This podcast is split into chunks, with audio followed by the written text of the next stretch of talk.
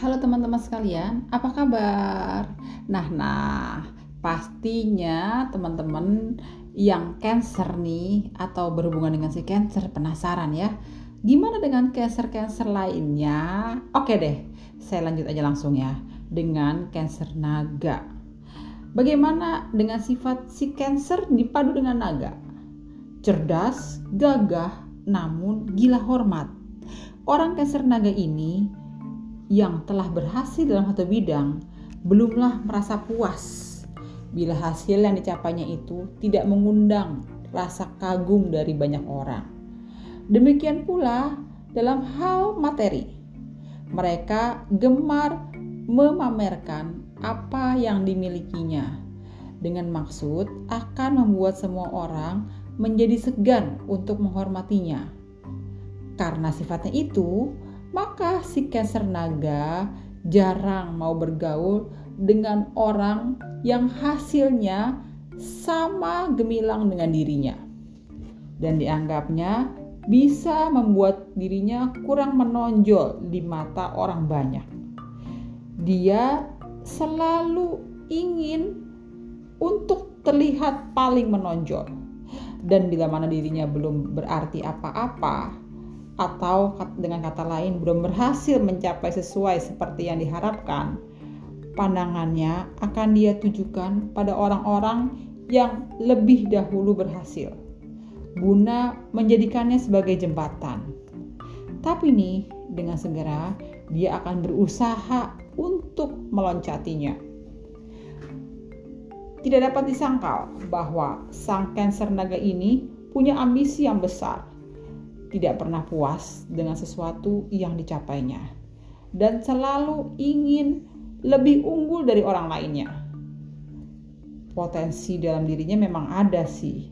Namun bagaimanapun juga sikap tak kenal puas itu yang selalu diturutin tanpa perhitungan baik bisa berakibat buruk dan berlawanan dengan yang dikehendakinya semula.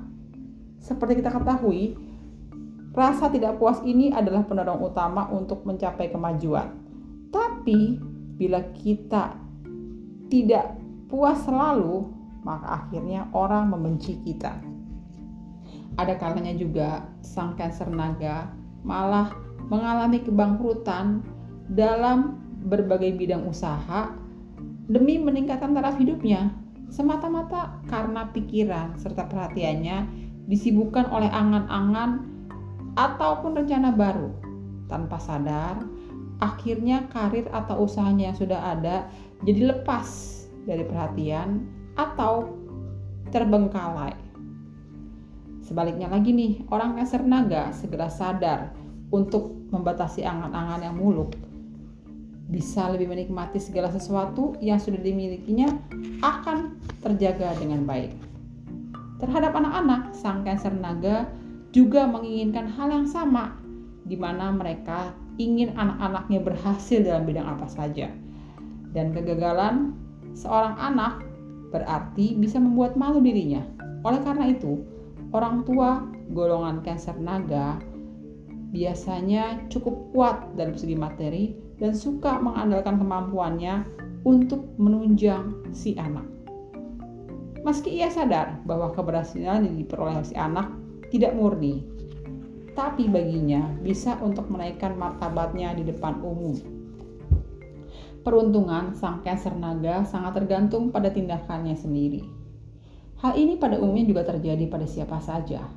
Orang Cancer naga yang berhasil mencapai taraf kehidupan tinggi, sebaiknya ada pula yang semula sudah berhasil kemudian bangkrut total disebabkan oleh ambisinya yang berlebih. Dalam percintaan, Orang Cancer naga juga menonjolkan keunggulan materi di hadapan sang kekasih. Bahkan tak jarang mereka berpura-pura sebagai orang dari kalangan golongan orang mampu. Padahal kenyataannya jauh berbeda. Di balik sifat buruknya itu, sang Cancer naga dalam bercinta memiliki sifat suci dan abadi, tak mudah luntur oleh pengaruh bagaimanapun. Nah, sekarang kita lanjut ya dengan cancer ulat. Kelincahan orang Cancer ular ini banyak mengundang penilaian buruk dari berbagai kalangan. Gerak-gerik mereka ini suka terkadang berlebihan, overacting, seperti misalnya genit atau menjurus ke arah hal-hal yang nakal, apalagi bila orang tuanya tidak terlalu mengawasinya. Cancer ular senang hadir dalam pesta-pesta, berganti-ganti kekasih, dan suka gaya yang eksentrik serta memancing perhatian orang. Baik laki-laki ataupun wanita Cancer ular cenderung untuk menjadikan dirinya sebagai pusat perhatian orang di sekitarnya. Suka mengenakan pakaian yang mewah, sekalipun itu hasil pinjaman, bukan miliknya sendiri, dan suka menggunakan barang lainnya, bukan miliknya, hanya untuk membuat cantik penampilannya. Ada pula yang berlaku sebaliknya, hidup ala hipis. Semua yang mereka lakukan dengan harapan dirinya diperhatikan orang. Terhadap kanker ular harus benar-benar mendidiknya dengan ketat, jangan sampai tersesat. Dan sifat-sifat yang buruk jangan dibiarkan berkembang karena akan semakin susah untuk mengontrolnya. Kanker ular berani tampil di muka umum, tidak malu, dan pula berani mengutarakan penilaiannya akan sesuatu yang dilihatnya. Maka, bila mana mereka dididik dengan tepat, dirinya dapat diharapkan menjadi manusia terkemuka yang punya prestasi baik dalam masyarakat dan berani membela kaum lemah dan menentang oknum-oknum yang dianggapnya tidak baik. Dalam bercinta, mereka sangat romantis. Mereka biasanya memiliki kekasih lebih dari seorang dan suka membandingkannya antara satu dengan yang lainnya. Pria ataupun wanita yang biasanya berhasil menyisihkan rival-rivalnya untuk dijadikan pasangan hidup, sang Cancer ular ini adalah orang-orang yang mau mengerti banyak serta mengalah terhadapnya. Kepadanya lambat laun orang kasar ular akan bisa mengurangi kenakalannya serta berbalik menjadi penurut dengan pasangannya. Mereka akan cocok menjadi orang tua dari anak-anak yang senang berkecimpung dalam bidang artis, pembalap, dan lain-lainnya. Bagi orang tua lain pada umumnya agak berat untuk memperkenankan putra-putrinya berkarir seperti itu. Namun, bagi sang kasar ular ini justru merupakan kebanggaan. Mereka menyukai hal-hal yang berhaluan modern dan penuh dengan tantangan. Rezeki mereka berjalan sejalan dengan sikapnya yang khas. Dalam karir mereka cepat terorbit berkat keberaniannya dan kegesitannya. Contohnya, bila Cancer ular wanita memilih karir sebagai artis film, dia akan bersedia menerima peran-peran yang seperti tidak biasanya. Baik pria maupun wanita dari golongan ini yang punya bakat besar dalam bidang seni, di samping bisa diharapkan sebagai pemain watak, mereka juga punya satu kelemahan, yaitu suka membuat sensasi dengan maksud membuat namanya jadi cepat beken. Dan pula kesenangannya yang khas suka membuat skandal cinta dengan teman-teman sekitarnya. Nah, kita lanjut lagi nih dengan Cancer kuda. Orang Cancer kuda memiliki kecerdasan yang sangat menonjol sejak kecil. Mereka lebih suka memperlihatkan kemampuannya itu yang jauh melebihi anak-anak seumurnya.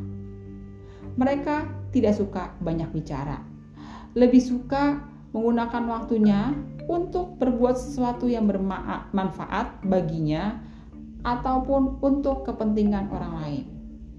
Mereka juga suka menolak sesamanya tanpa pilih kasih. Inilah sifat dari si Cancer kuda yang membuatnya banyak punya teman yang simpatik terhadap dirinya.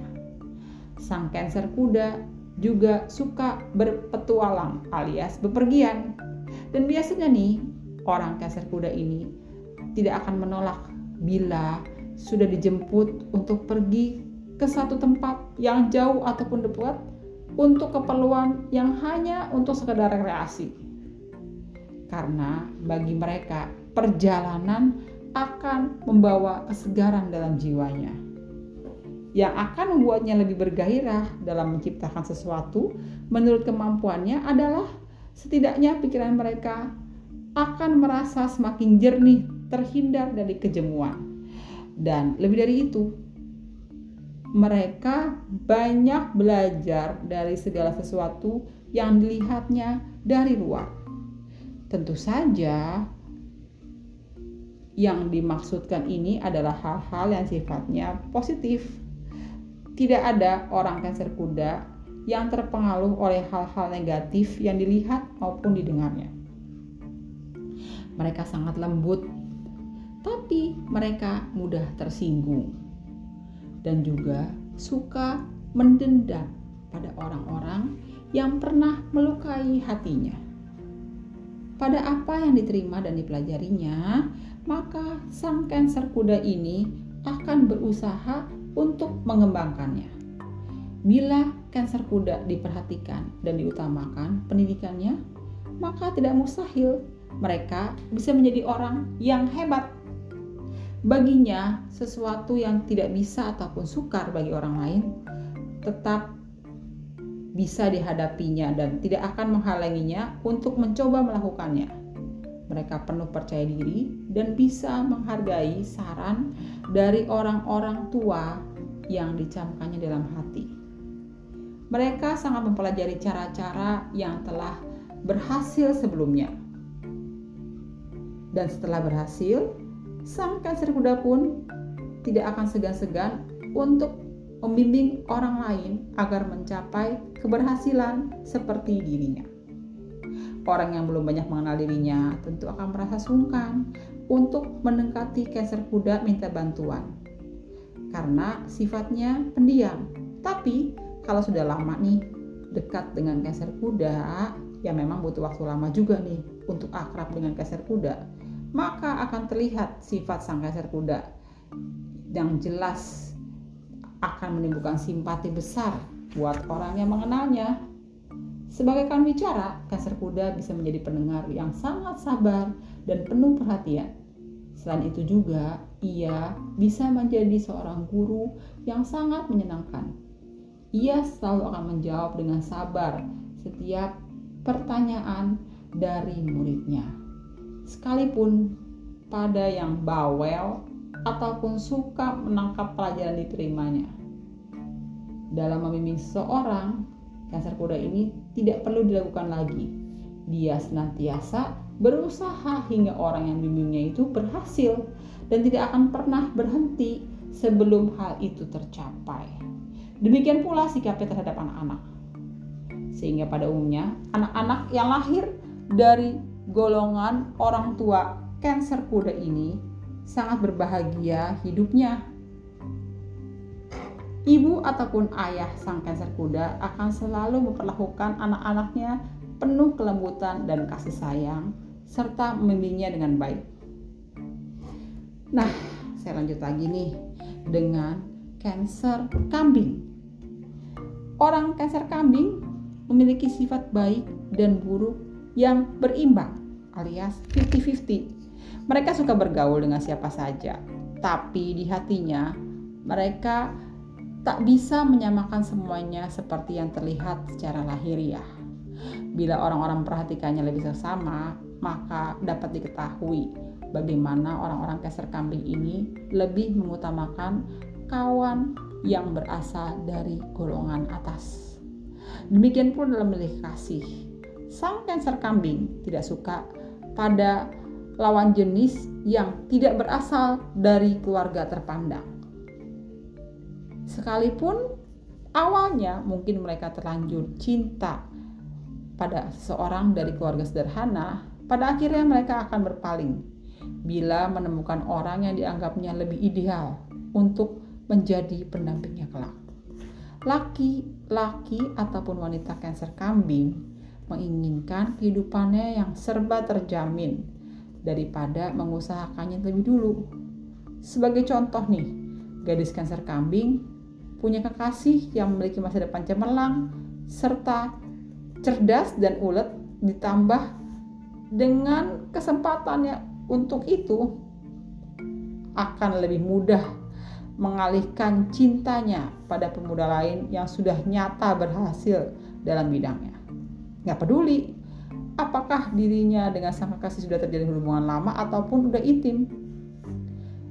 Repotnya lagi bila wanita yang menjadi istri dari golongan keser kambing tidak bisa menjaga suami dengan baik, maka di satu kesempatan sang suami bisa saja melupakan dirinya dan anak-anaknya karena tertarik pada wanita lain yang memungkinkan dirinya untuk hidup lebih terjamin. Dalam berusaha pun orang keser kambing kurang ulet, sering digeluti keraguan hati. Juga semangatnya mudah kendor. Bila mereka sedang menjalankan sesuatu usaha dalam masa percobaan baru saja mulai belum lama mencurahkan perhatiannya ke bidang tersebut, lalu mereka melihat seorang kawan yang sama bergerak di bidang tersebut dalam waktu singkat sudah mengalami kemajuan pesat, maka sang kanker kambing ini akan hilang semangat dan tidak mau melanjutkan usahanya ataupun tidak semangat lagi. Meskipun mereka banyak punya teman, tapi nggak sedikit pula orang-orang yang kecewa terhadap sang cancer kambing.